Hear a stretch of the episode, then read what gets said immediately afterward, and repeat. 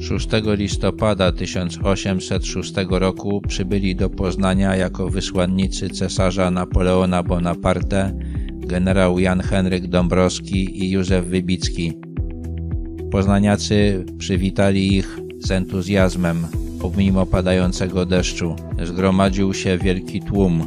Zwłaszcza generał Dąbrowski był w Wielkopolsce popularny od czasu powstania kościuszkowskiego. Tego dnia Dąbrowski i Wybicki ogłosili odezwę wzywającą mieszkańców Wielkopolski do walki u boku Napoleona. Zawierała ona zdanie na niepodległość trzeba sobie zasłużyć i obietnicę, że Napoleon jest skłonny odbudować państwo polskie, jeżeli Polacy pokażą, że są tego warci. W ten sposób rozpoczęło się powstanie wielkopolskie. Dąbrowski zajął się tworzeniem armii, natomiast Wybicki tworzył polską administrację.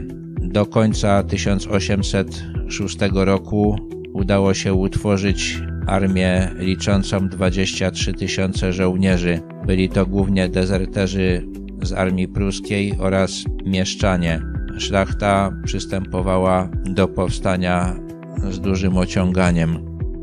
Do końca roku udało się Dąbrowskiemu wyzwolić znaczną część zaboru pruskiego, nie tylko Wielkopolskę, ale też między innymi Częstochowę. Od stycznia 1807 roku Armia Wielkopolska brała udział u boku Francuzów w walkach na Pomorzu. Uczestniczyła m.in.